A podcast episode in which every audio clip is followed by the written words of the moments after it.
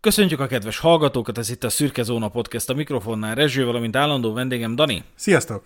A mai napon eljutottunk a Franklin elveszett expedíciójáról szóló, szóló sorozat második részéhez. Az előző részben elmeséltük, hogy hát mik voltak az előkészületek, hogy John Franklin és a két hajó, a, a Terror és az Erebus, azok elinduljanak az északi sarkra, hogy megtalálják az észak-nyugati átjárót, mely addig nem volt ismerhető. Aztán hát addig úgy az admiralitás szempontjából vizsgáltuk a dolgot, hogy hát egy bizonyos ponton nyomuk veszett, de hát ez nem volt ö, nehéz elvégre, nem igazán ö, lehetett fenntartani tartani hosszú távon a kommunikációt velük, de hogy már sokadik év telt el, és nem jöttek vissza, és nem jelentkeztek, és nem, nem érkeztek meg azokra a helyszínekre, amik, ahol számítottak volna rájuk, és hát a Lady Jane, aki a, a Sir John Franklinnek a szerető és talpra esett felesége volt, az elkezdett gyűjtéseket szervezni, meg ösztökélni az admiralitást, hogy hát azért ilyen mentőexpedíciókat kéne indítani, de hogy azt még nem, abban még nem avattunk be titeket, hogy mi lett a legénységnek a sorsa, ez a mostani epizódra fog maradni. Dániel, mit gondolsz a mai témánkról?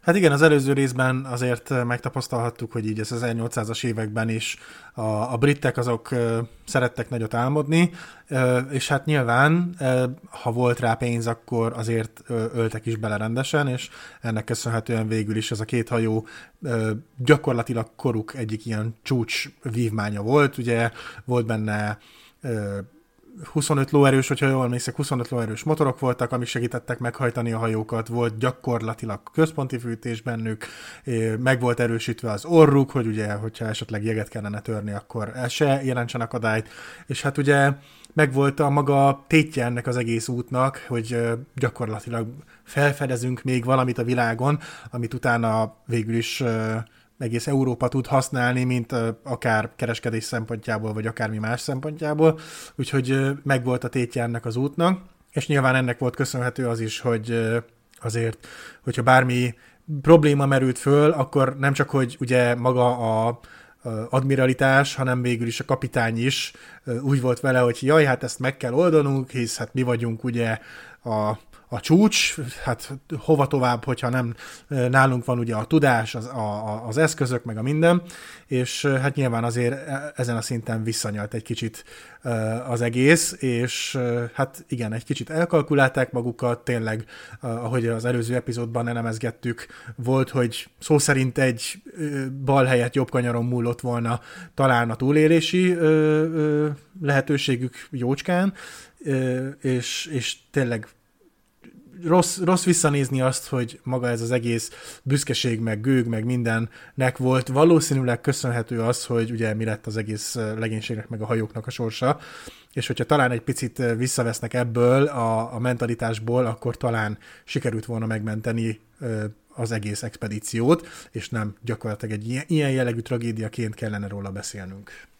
Ugye magától értetődő, hogy egy ilyen expedíció során meghatározó jelentőséggel bír a jég amelynek változó és kiszámíthatatlan a természete. Tehát nem csak arról van szó, hogy ott van a jég, és az, azzal valahogy boldogulni kell, hanem ezeknek a hajóknak a fedélzetén úgynevezett jégmesterek is szolgáltak, akik olyan szakemberek voltak, hogy az volt a, a, szak, a tehát az volt a, a, a szakértelmüknek a lényege, hogy ismerték a jég, jégnek a természetét, és iránymutatással tudtak szolgálni arra, hogy milyen irányba kell hajózni, vagy milyen érde, irányba érdemes hajózni, és mely részeket célszerű messze elkerülni.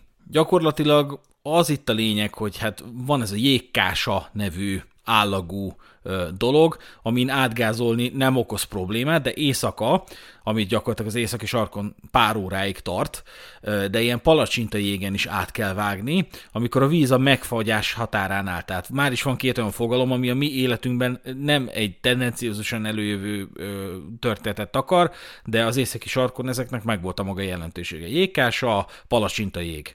De még a palacsinta jég sem okoz akkora problémát. Viszont a partmenti friss jég mögött úgynevezett gyors jég van, ami még egy megerősített hajó testét is képes felszakítani.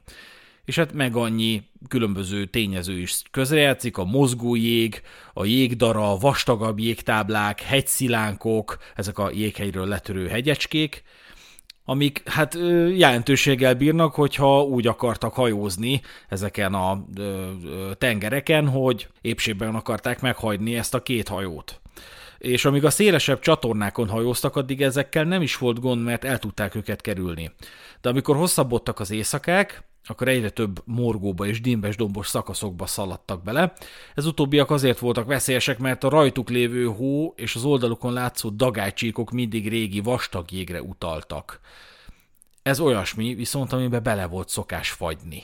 Az előző epizódban beszéltünk arról, hogy mi volt itt a nagy dilemma, hogy a Vilmos királyföld keleti vagy nyugati oldalán hajózzanak, vagy végsősoron fagyjanak végül bele, és hát ez, ez nyilván a, a hajó vezetősége, illetve a, a kapitányok és a parancsnok, a, az expedíció vezetője, azaz John Franklin között is egy, egy dilemmát képezhetett, hogy hát merre célszerű haladni, ugye, hogyha keleti irányból kerülték a Vilmos király szigetet, amiről még akkor nem tudták, hogy sziget, akkor meg volt az esélye, hogy, hogy, hogy ne, valójában nem sziget, hanem egy föld, és akkor zsákutcába kerülnek, de viszont ott, hogyha ott fagynak be a, a, a télbe, a jégbe, akkor, akkor jobban járnak, mert azon a ponton egy picit védettebbek lettek volna a széltől, és nem kellett volna akkor a borzasztó viszontagságos környezetnek kitéve lenniük hónapokon keresztül. Viszont ők inkább a nyugati oldalon kerülték a Vilmos királyföldet, és amikor így befagytak, akkor egy nagyon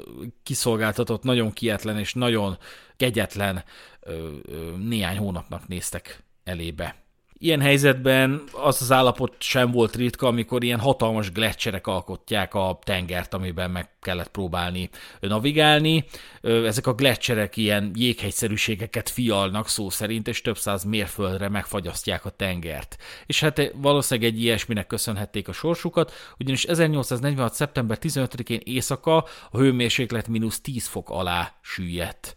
A tenger minden irányban egy látóhatárig nyúló sima fehér pusztasággá változott, és hát keveset lehet tudni, hogy, hogy, hogy arról, hogy mi lett a két hajónak a sorsa, de a későbbi mentőexpedíciók annyit állapítottak meg, hogy Franklin hajói valószínűleg átjutottak a Lancaster szoroson, és az 1845-46-os telet sikeresen túlélték. A következő nyáron a hajók folytatták útjukat, és eljutottak a Vilmos Király-sziget közelébe, ahol 1846. szeptemberében jégbe fagytak. Tehát valószínűleg ez átvedésben, tehát ez, ez okozta a rossz sorsukat, meg ez, ez pecsételte meg igazából a sorsukat, hogy nem keleti oldalról kerülték a Vilmos király szigetet, hanem nyugati oldalról, és pontosan akkor, amikor ott voltak, amikor arra hajóztak, azban a szeptemberi időszakban rendkívül gyorsan és alattomosan lesüllyedt, lecsökkent a hőmérséklet, és emiatt gyakorlatilag befagytak a tengerbe. Ezeknek a hajóknak a maradványait a 2010-es évekig nem is nagyon találták meg, akkor is 2014-ben ilyen szonár segítségével sikerült felfedni, tehát mindaz, ami született ebben a témában, így akár a 2007-es Terror című Dan Simmons könyv is, még úgy viseltetett ezzel a témával, hogy hát nem tudták, hogy hol lehettek ezek a hajók, vagy hol, hol tűntek el, vagy hol, hol pihentek szépen a a tenger mélyén, ugye érdemes megjegyezni, hogy az 1910-es években elsüllyedt Titanicot is az 1980-as években találták csak meg, tehát hosszú évtizedeken keresztül nem lehetett tudni, hogy hol van a Titanic. Például. Ilyenkor maguk is nehezen tudtak tájékozódni, ugye kicsit korlátozottak voltak a lehetőségek, ilyen szextánssal lehetett behatárolni nagyjából, hogy hol voltak, és hát a terror és az Erebus legénysége úgy becsülték, hogy nagyjából az északi szélesség 70. fokánál és 5. percénél, és a nyugati hosszúság 89. fokánál és 23. percénél lehetnek, nagyjából 25 mérföldre a Vilmos királysziget északnyugati partjától. Talán említettük az előző epizódban, hogy nem volt nagy probléma a befagyás, mert egy sarki expedíción előfordul, hogy akár 10 hónapra is befagy a hajó. Tehát bele van kalkulálva egy expedícióba, egy sarki expedícióba, hogy áttelel ott a legénység, csak éppen fűződik hozzá egy remény, hogy utána, amikor jobbra fordul az idő, akkor kiolvadnak.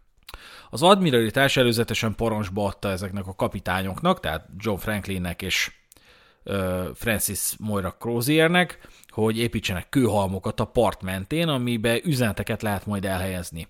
Ennek az volt a célja, hogy amennyiben a hajók nem jelennek meg a becsült időben a Bering szorosban, a királyi haditengerészet csak úgy indíthat utánuk mentő alakulatot, ha pontosan tudják, hogy Franklin milyen irányba haladt és mi okozhatja a késedelmet. Sir John 1847 májusában, tehát akkor, amikor már bőven be voltak fagyva, Öt száncsapatot készített fel arra, hogy körülnézzen a környéken minden irányban.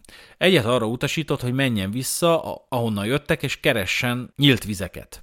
A szánok május 21-én, 23-án és 24-én indultak útnak a Victory fok felé. Az egyik csapat, amit a meglehetősen jóképű Graham Gore hadnagy vezetett, azzal volt megbízva, hogy helyezze el Sir John Franklin első írásos üzenetét az expedíció kezdete óta. Azt egy légmentesen záródó részhengerbe kellett elezni, amit aztán elrejtettek a kőhalom alatt.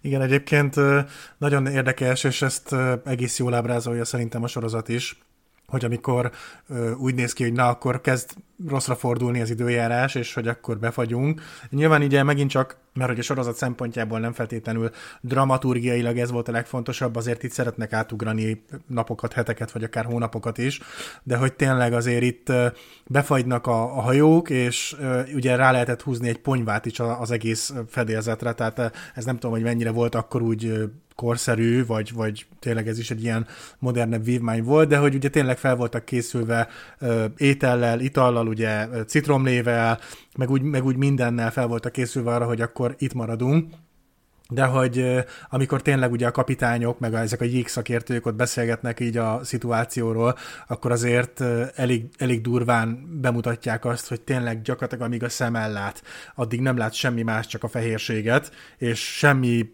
pontod nincs gyakorlatilag tájékozódni. És persze vannak a szextánsok meg a minden, de hogy, de hogy azért nyilván a, az időjárás is sokszor olyan volt, hogy nem láttad se az égboltot, nem láttad a csillagokat, nem igazán tudtál sehogy se tájékozódni, úgyhogy azért az sem lehetett egy, egy könnyű feladat, hogy akkor ezeket a szánokat szétküldjék, és hát ugye, mint ahogy azt már korábban is említettük, hogy, hogy ez nem csak úgy nézett ki, hogy akkor na, mondjuk 20 ember benne van egy csapatban, és akkor megindulunk, hanem ott azért komolyan, komoly súlyokat kellett cipelni, mert ugye hát fel kellett készülni mindenre, és hát azért ez, ez rettentő nagy kihívás lehetett, úgyhogy azért ezen a ponton tényleg adott esetben már az élelem meg a minden sem volt feltétlenül tökéletes, nyilván erre is majd kitérünk, és azért a kapitányok persze megpróbálhatják a morált fenntartani, de, de gondolhatjuk, sőt, maximum csak elképzelhetjük, hogy, hogy mekkora kihívás lehetett az, hogy egyáltalán nekiinduljunk ezeknek a,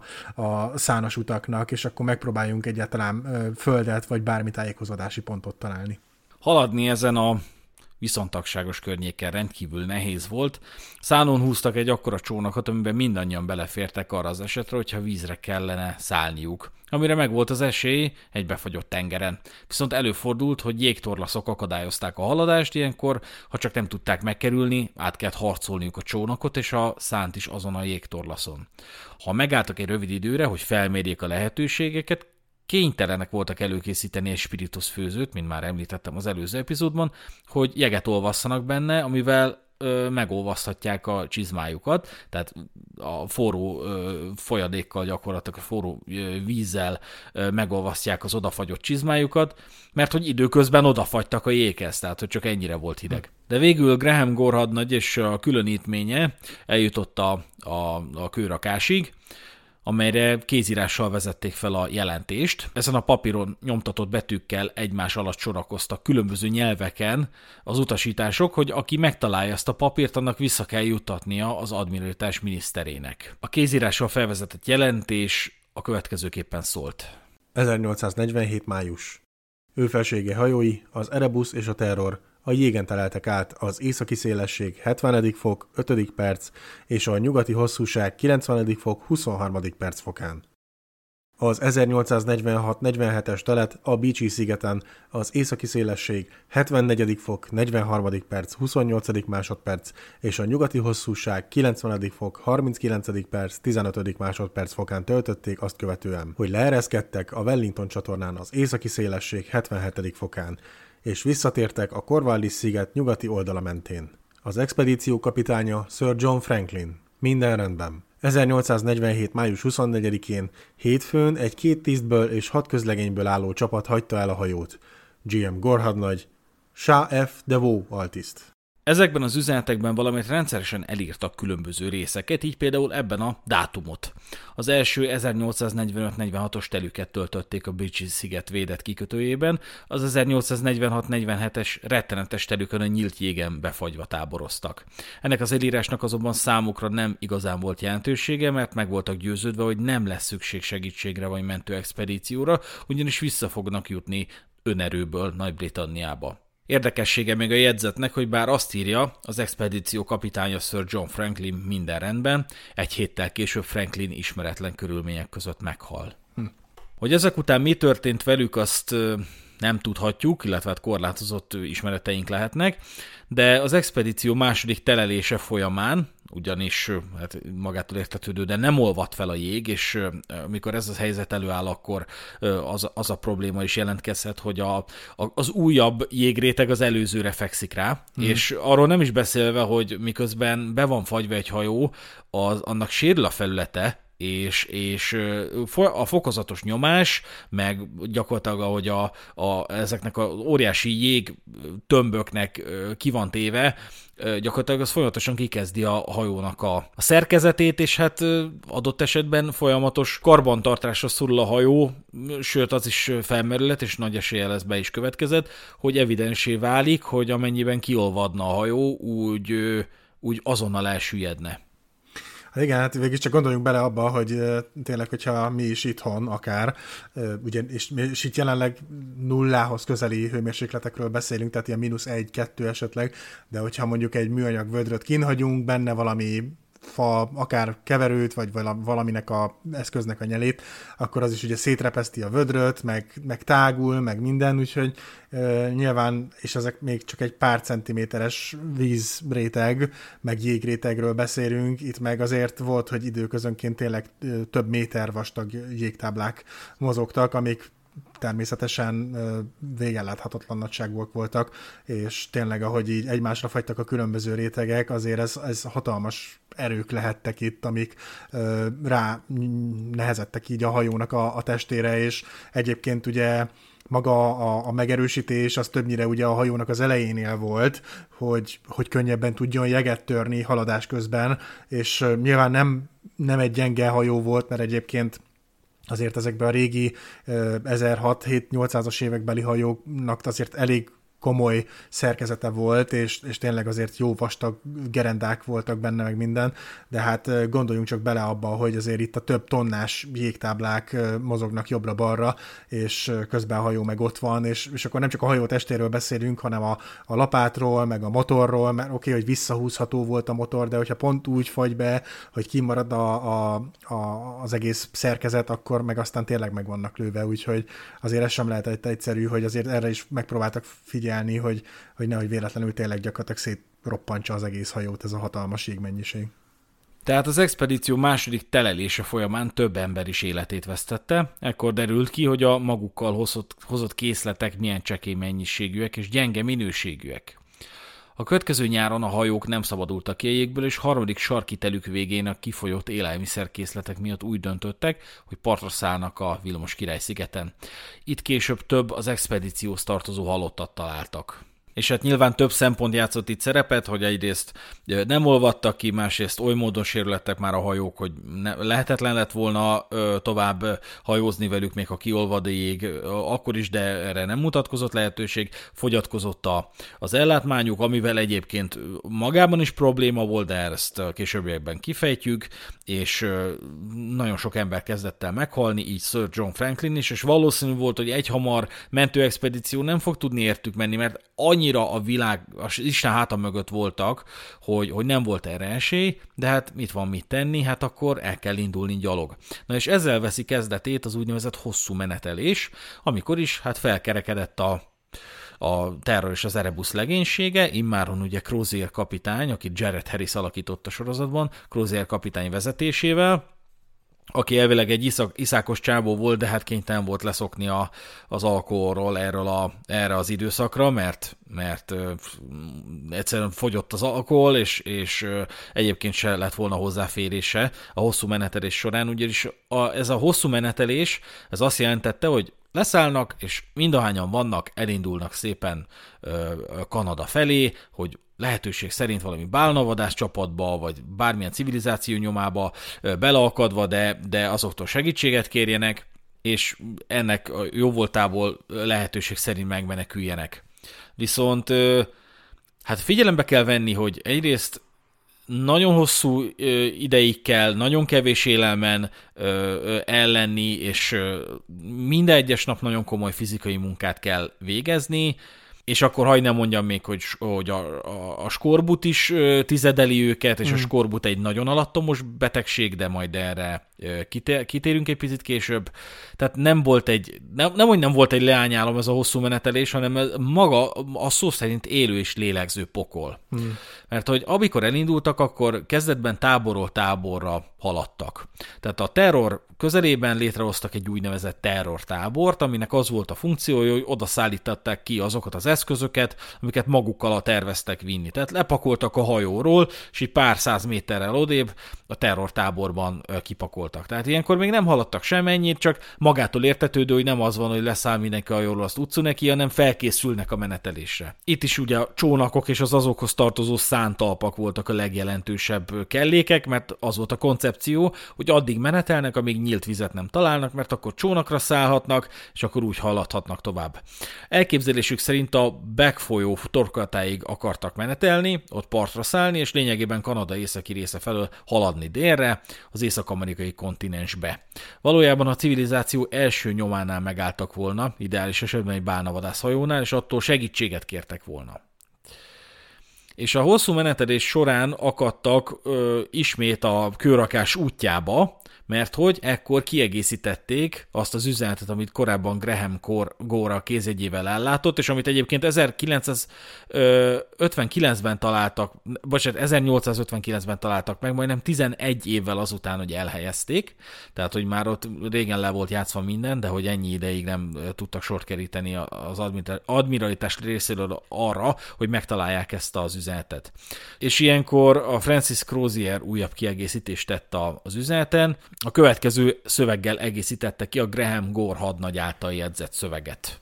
Április 25. Ő felsége Erebus és terrorhajói április 22-én kilettek ürítve innen öt tengeri mérföldre, észak-északnyugatra, mivel 1846. szeptember óta be voltak fagyva. A 105 főből álló legénység és tisztikar FRM Crozier kapitány parancsnoksága alatt ide vonult. A 69. fok 37. perc 42. másodperc szélességi és a 98 fok 41. perc hosszúsági fokra. Ezt a papírt Irving hadnagy találta meg abban a kőhalomban, amelyet feltételezéseink szerint Sir James Ross emelt 1831-ben négy mérföldre északra, ahol az elhunyt gorparancsnok hagyta 1847. júniusában. Sir James Ross oszlopa ugyanakkor már nem található, és a papírt áthelyeztük erre a pontra, ahol Sir James Ross oszlopa állt. Itt már tetten érhető volt, hogy Crozier a fáradtságtól mélységesen össze volt zavarodva, ugyanis itt is meg annyi elírást eszközölt. Tévesen azt írta, hogy a kőhalmot Sir James Ross emelte 1831-ben, hogy azt is, hogy James Ross oszlopa már nem található. Ez a két állítás ugyanis ellenmondásban van egymással. Ugyanezt a jelentést kiegészítette a következő sorra, Sir John Franklin 1947. június 11-én meghalt, és az expedíció teljes embervesztesége a mai dátumig bezárólag 9 tisztből és 15 matrózból áll. És hát ez az irat, az utolsó ismert írás az odaveszett felfedező csapatról. Hát igen, ugye ezen, ezen a ponton tényleg már minden ellenük dolgozott.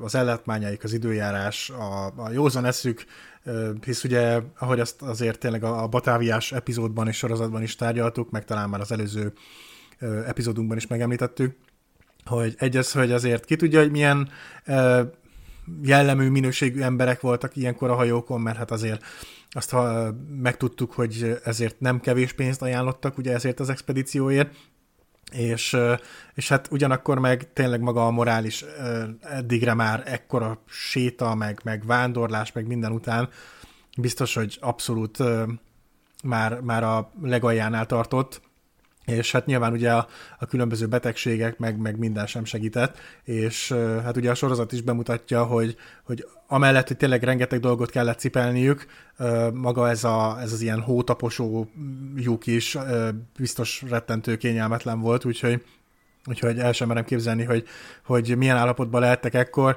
de ugyanakkor meg teljesen érthető szerintem, hogy, hogy már tényleg hülyeségeket beszélnek, és össze-vissza uh, hivatkozzák meg a helyszíneket, dátumokat, mert, uh, mert szerintem a egy józan eszű ember sem feltétlenül tudna már ilyenkor tájékozódni ezen a ponton, hogy pontosan mi, hol, merre van. És, és hát ugye nyilván a legrosszabb abba belegondolni, hogy ezen a ponton semmi sem indult el annak érdekében, hogy segítsen rajtuk, hisz ugye semmilyen kommunikáció nem volt a admiralitás és köztük, úgyhogy el tudom képzelni, hogy mennyire kétségbe lehetett esve mindenki, még a, a kapitány is ilyenkor ami minden bizonyal közre játszhatott a mentális és fizikai állapotukban, vagy annak drasztikus leromlásában, az a skorbut. És még valami más is, de ezt a későbbiekben fogjuk kifejteni. Ugye nyilván ti is hallottatok már erről a betegségről, hogy gyakorlatilag amikor ilyen hosszabb távon ilyen C-vitamin hiányos helyzetbe kerül a, a tengerész, akkor jelentkezik ez a betegség.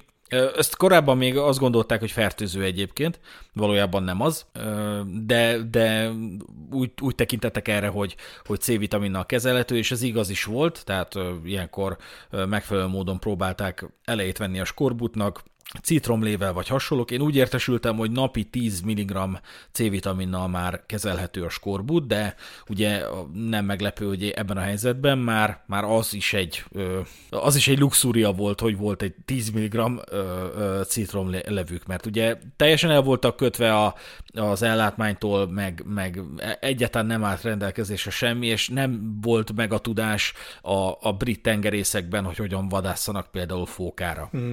Az első jelennek a megbetegedésnek az volt, amit a legénység tövis koronának nevezett. Tulajdonképpen vér kezdett szivárogni a haj, aztán az egyéb szőrzet alól is.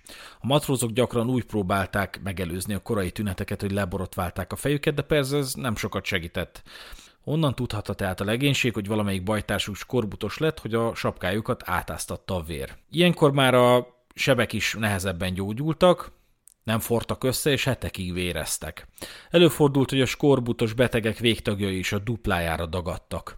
Egyre kevésbé volt rugalmas a bőrük is, amiben a végén már az ember az ujját is bele tudta úgy mélyíteni, hogy a mélyedés tartósan ott maradt. Aztán véralafutás lett belőle, ami szétterjedt. Hmm. Az izületi fájdalmak, amelyek egyre erősödtek, azok is akadályozták, hogy kipihenhesse magát a skorbutos matróz, akire egyébként szükség lett volna ebben a, ennek a menetelésnek a, során. A skorbutos beteg csak hamar egész testében felfúvódik, alaktalan masszává torzul. Az arca és a keze elszíneződik a sárgaságtól, szeme élénk sárga lesz. Ilyenkor ugye a betegeknek a fogai is elkezdenek kihullani, illetve az íny is megfeketedik és összezsugorodik. A betegek nyitott szájából emiatt förtelmes bűz árad, ami problémát okozhat, ha például meg akarják etetni. A skorbut egy rendkívül alattomos gyilkos, mert mindennek ellenére a beteg sokáig húzhatja, és minden nap egyre rosszabb állapotba kerül. A skorbut hosszú ideig kínozza az áldozatait, mielőtt megadja nekik a végső nyugalmat. Mire valaki meghal skorbutban, addigra gyakran már a legközelebbi rokonai sem ismernék fel, és neki sem marad elég öntudata ahhoz, hogy felismerje a rokonait. A citromlével egy ideig tudták csillapítani a tüneteket, de annak a hatékonysága egyenletesen csökkent az északi sarkon töltött idővel. Ha elfogyott a citromlé, védelemnek már csak az ecet maradt, ám az azok számára, akiknek a skorbut már az ízlelő bimbóit is roncsolta, olyan ízű volt, mintha méreg lett volna. Egyébként lenyűgöző, hogy egyáltalán eddig bírta, bírták a citrommal, mert őszintén szólva nekem így az volt a fejemben, hogy azért relatív hamar megromlanak ugye a gyümölcsök, és hát nyilván itt most nem feltétlenül a gyümölcsökről beszélünk, hanem magának a citromnak a levéről, de hogy, de hogy tényleg azért elég sokáig bírta, vagy hogy mondjam, bírták így frissen tartani idézőjelesen a citromlevet, úgyhogy le, le a kalappal, de az, az biztos, hogy szerintem a hatékonyság az, az már nagyon hamar elkezdett csökkenni ezeknek a citromleveknek és hát nyilván azért így hetek és hónapok után, akárhogy is van azt tárolva, elhiszem, hogy, hogy azért nem csak, hogy nem volt hatékony, de nem is volt feltétlenül a legmegfelelőbb ital, amivel meg lehetett próbálni küzdeni a skorbut ellen. És hát igen, ilyenkor rossz belegondolni abba, hogy ezen a ponton szerintem már azért legalább 100-200 éve ismert volt ez a skorbut dolog, meg a, a, a citromlé és a C-vitamin, gyógyító hatása, de hogy igen, azért ijesztő, hogy ezen kívül nem nagyon sokat tudtak csinálni, mert hát ugye tényleg a maga a gyümölcs, legyen itt szó akár citromról, narancsról, akármi másról, az tényleg azért napokon belül megromlott volna, úgyhogy sajnos nem nagyon tudtak ezzel ellen küzdeni. A megtett útról elmondható, hogy az élve maradt résztvevők gyalog próbálták elérni a kontinenst, eljutottak végül a bakfolyó torkolatáig. Régészeti leletek alapján a csapat mintegy 400 kilométert tett meg gyalogosan a folyó irányában. Az út legnagyobb részét a Vilmos király szigeten.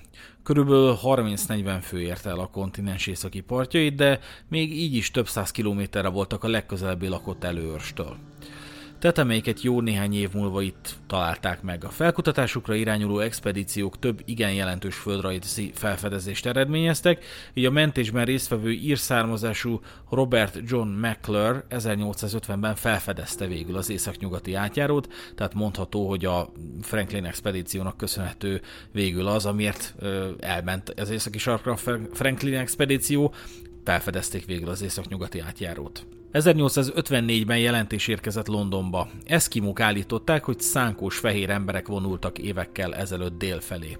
Valami üstféle is volt náluk, benne emberi maradványok, végtagok, vagyis az expedíció megmaradt tagjai kannibalizmusra kényszerültek, mert már elfogyott minden élelmük. Ezt a később megtalált holtestek is beigazolták, akiknek a csontjain vágások nyomait látták. 1859-ben, amikor megtalálták az üzenetet, az is kiderült, hogy miért hagyták el a hajóikat, és miért próbáltak gyalog menekülni. A modern hajóikat ugyanis teljesen fogülejtett a jég, és a hó maradni is végzetes lett volna. Uh-huh. És akkor most menjünk rá arra a témára, hogy mi okozhatta végül a vesztüket, mert hát nem voltak egy ö, ígéretes helyzetben, de volt egy körülmény, ami tovább rontotta a helyzetüket, amivel ők maguk nem lehettek tisztában, mi viszont így az utókor képviseletében már tudhatjuk, hogy már 1852-ben felmerült egy gyanú, hogy az expedícióval a rossz minőségű élelem végzett. Egy akkori meghallgatás során a visszatért mentőexpedíciók tagjai ugyanis azt állították, hogy rosszak voltak a húskonzervek, mert a legolcsóbbakat vásárolták megindulás előtt. Még a hosszú menhetelés megelőzően kiderült az expedíció vezetői számára, hogy, a, hogy bár az Erebus fedélzetén a 10.000 láda tartósított főt húson és a 9450 font csokoládén kívül meg annyi konzerv állt rendelkezésre, amik főt és sült birkahúst, borjúhúst, mindenféle zöldséget, beleértve burgonyát, répát és paszternákot tartalmaztak, ezeknek a konzerv élelmiszereknek több mint a fele romlott volt vagy mérgező. Mm.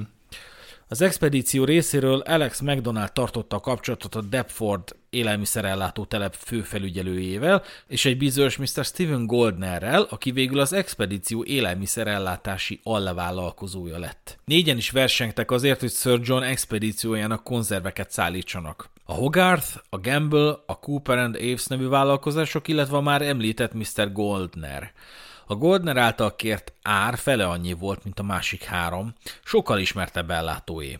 Ráadásul míg a többi vállalkozó ajánlata egy hónapos vagy három hetes teljesítési határidőt tartalmazott, Goldner azonnalit ígért, valamint ingyenes reke- rekeszedést és szállítást. Az ilyen feltételekkel történő teljesítés természetesen lehetetlen, amennyiben az áru tényleg az általa ajánlott minőségű lett volna, és az általa ajánlott módon lett volna elkészítve az admiralitás és a felfedező bizottság három ellátmányosa, tehát mindenki, akinek beleszólása lett volna a választásba, a Deptford élelmiszerellátó telep tapasztalt számvevőink kívül azonnal Goldner ajánlatát részesítette előnyben a teljes készletet illetően. Ennek ára 3800 angol font volt, ami egy vagyon volt olyan külföldi számára, mint Goldner, ugyanis az ő egyetlen konzervgyára a moldáviai Golacban volt. Ő kapta az addigi legnagyobb megrendelést az admiralitás történetében.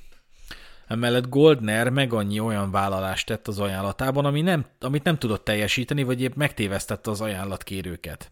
Hétfajta birka, 14 féle borjú, 13 féle marha, 4 féle bárányragút tartalmazott az ajánlata, szerepelt benne nyúlhús, hófajd, nyúlpecsenye, hagymaszózban vagy körrivel, fácán és fél tucat másféle vadhús, ha a felfedező bizottság tengeri állatokat kívánt volna, arra az esetre Goldner konzervhomárt ajánlott héjában, tőkehalat, nyugat-indiai teknőst, lazatsztéket és Bournemouthi füstölt heringet. Ajánlatában az ünnepi vacsorákra alig 15 penniért szarvasgombás fácán, borjúnyelv, pikáns szószban és flamand módra elkészített marha szerepelt. A valóságban sózott lóhúst kaptak hámhordóban, ez matróz szlengben azt jelentette, marhahúst kaptak dobozban. Úgy tűnt, hogy a tisztek, akik többet ettek a Goldner konzervből, a skorbut előre haladottabb változatának jeleit mutatták. A legénység inkább a sózott sertés és marhahúst fogyasztották. Az lehetett akkor az elmélet, hogy a sima konzervhúsból és levesekből hiányzik valamilyen létfontosságú elem. Vagy éppen jelen van valami, ami rossz minőségűvé teszi az ételt. Mm.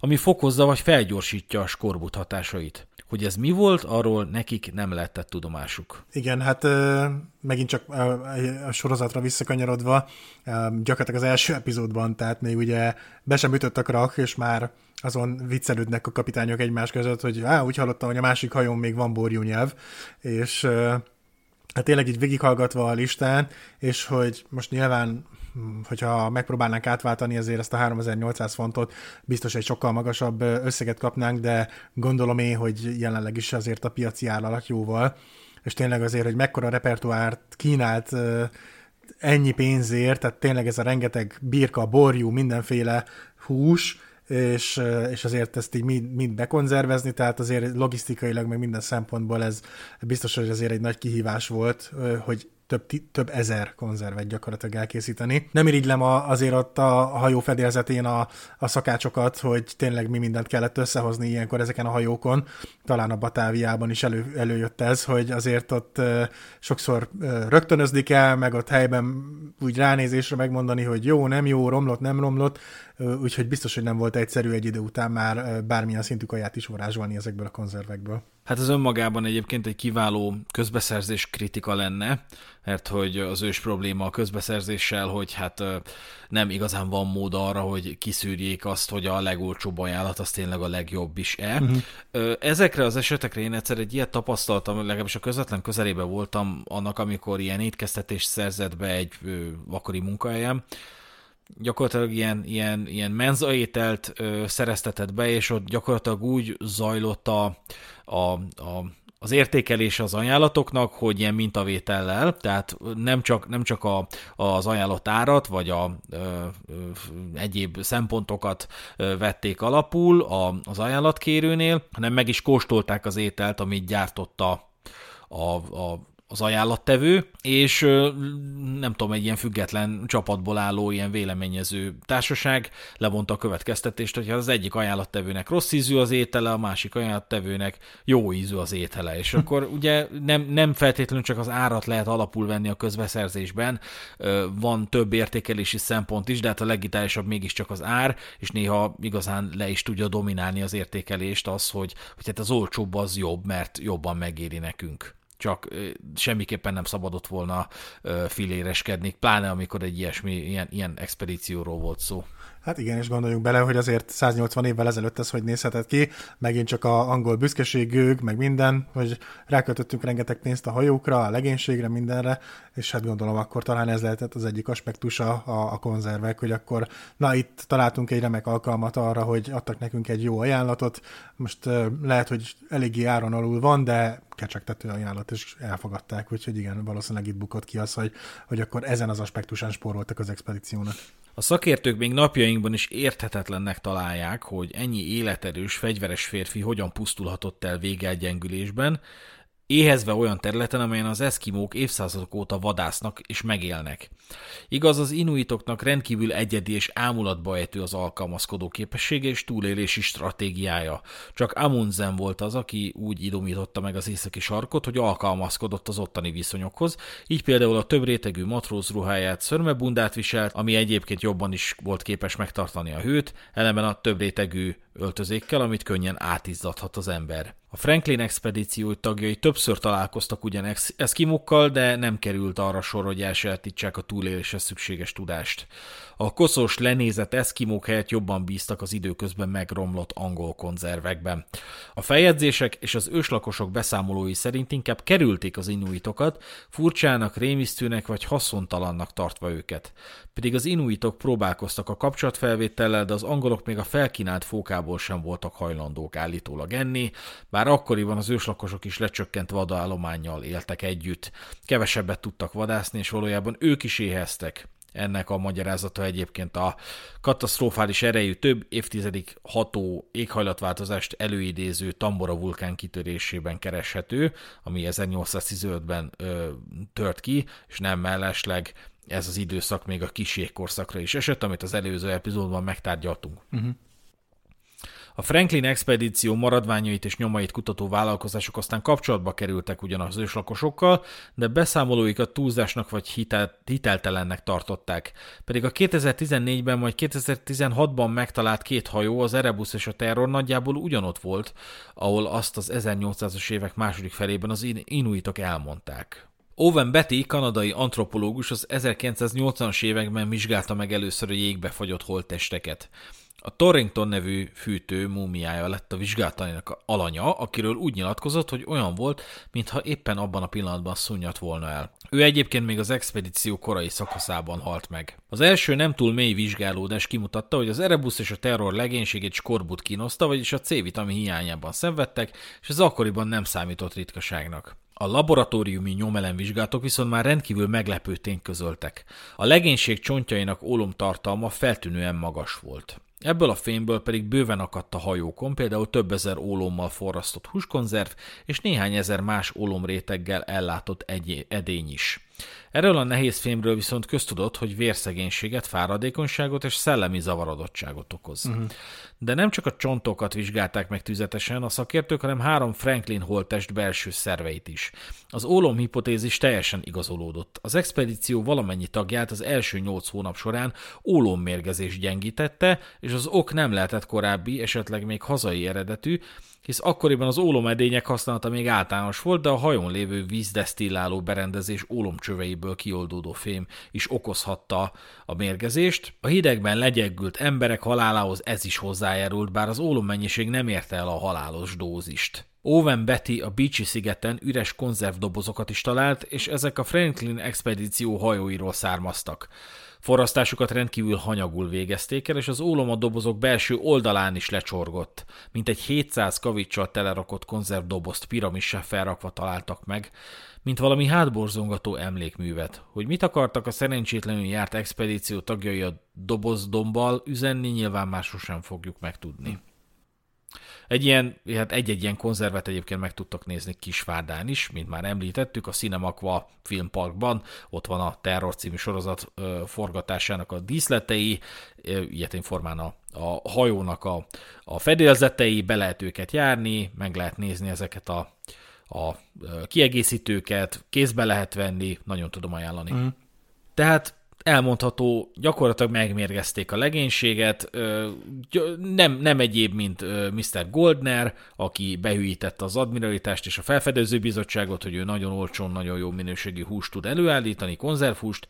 A valóság az volt, hogy rossz minőségű ételt adott, nem azt adott, amit, amit megajánlott, pedig hát az ajánlatához kötött lett volna, és végső soron egy rossz, korszerűtlen és behatárolhatatlan rögzítési technikával sikerült megmérgezni a legénységet, mert hogy ólommal rögzítették ezeket, ezeket a konzerveket, és ez odáig vezetett, hogy főként a tisztek, akik a jobb minőségű konzervételt fogyasztották, jobb minőségének hit konzervételt fogyasztották, azoknak a helyzetén tovább rontott az, hogy már nem csak legyengültséggel és fájdalomhullámokkal, de mentális problémákkal is kell, meg kellett küzdeniük. Mm. Ha minden igaz, akkor egy ilyen mérgezés először ilyen folyamatos hányásban ö, realizálódik.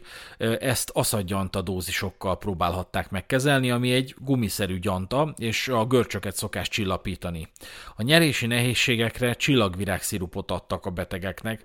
Ez egy összezúzott gyógynövény tanninos oldatban, amelynek köptető hatása van.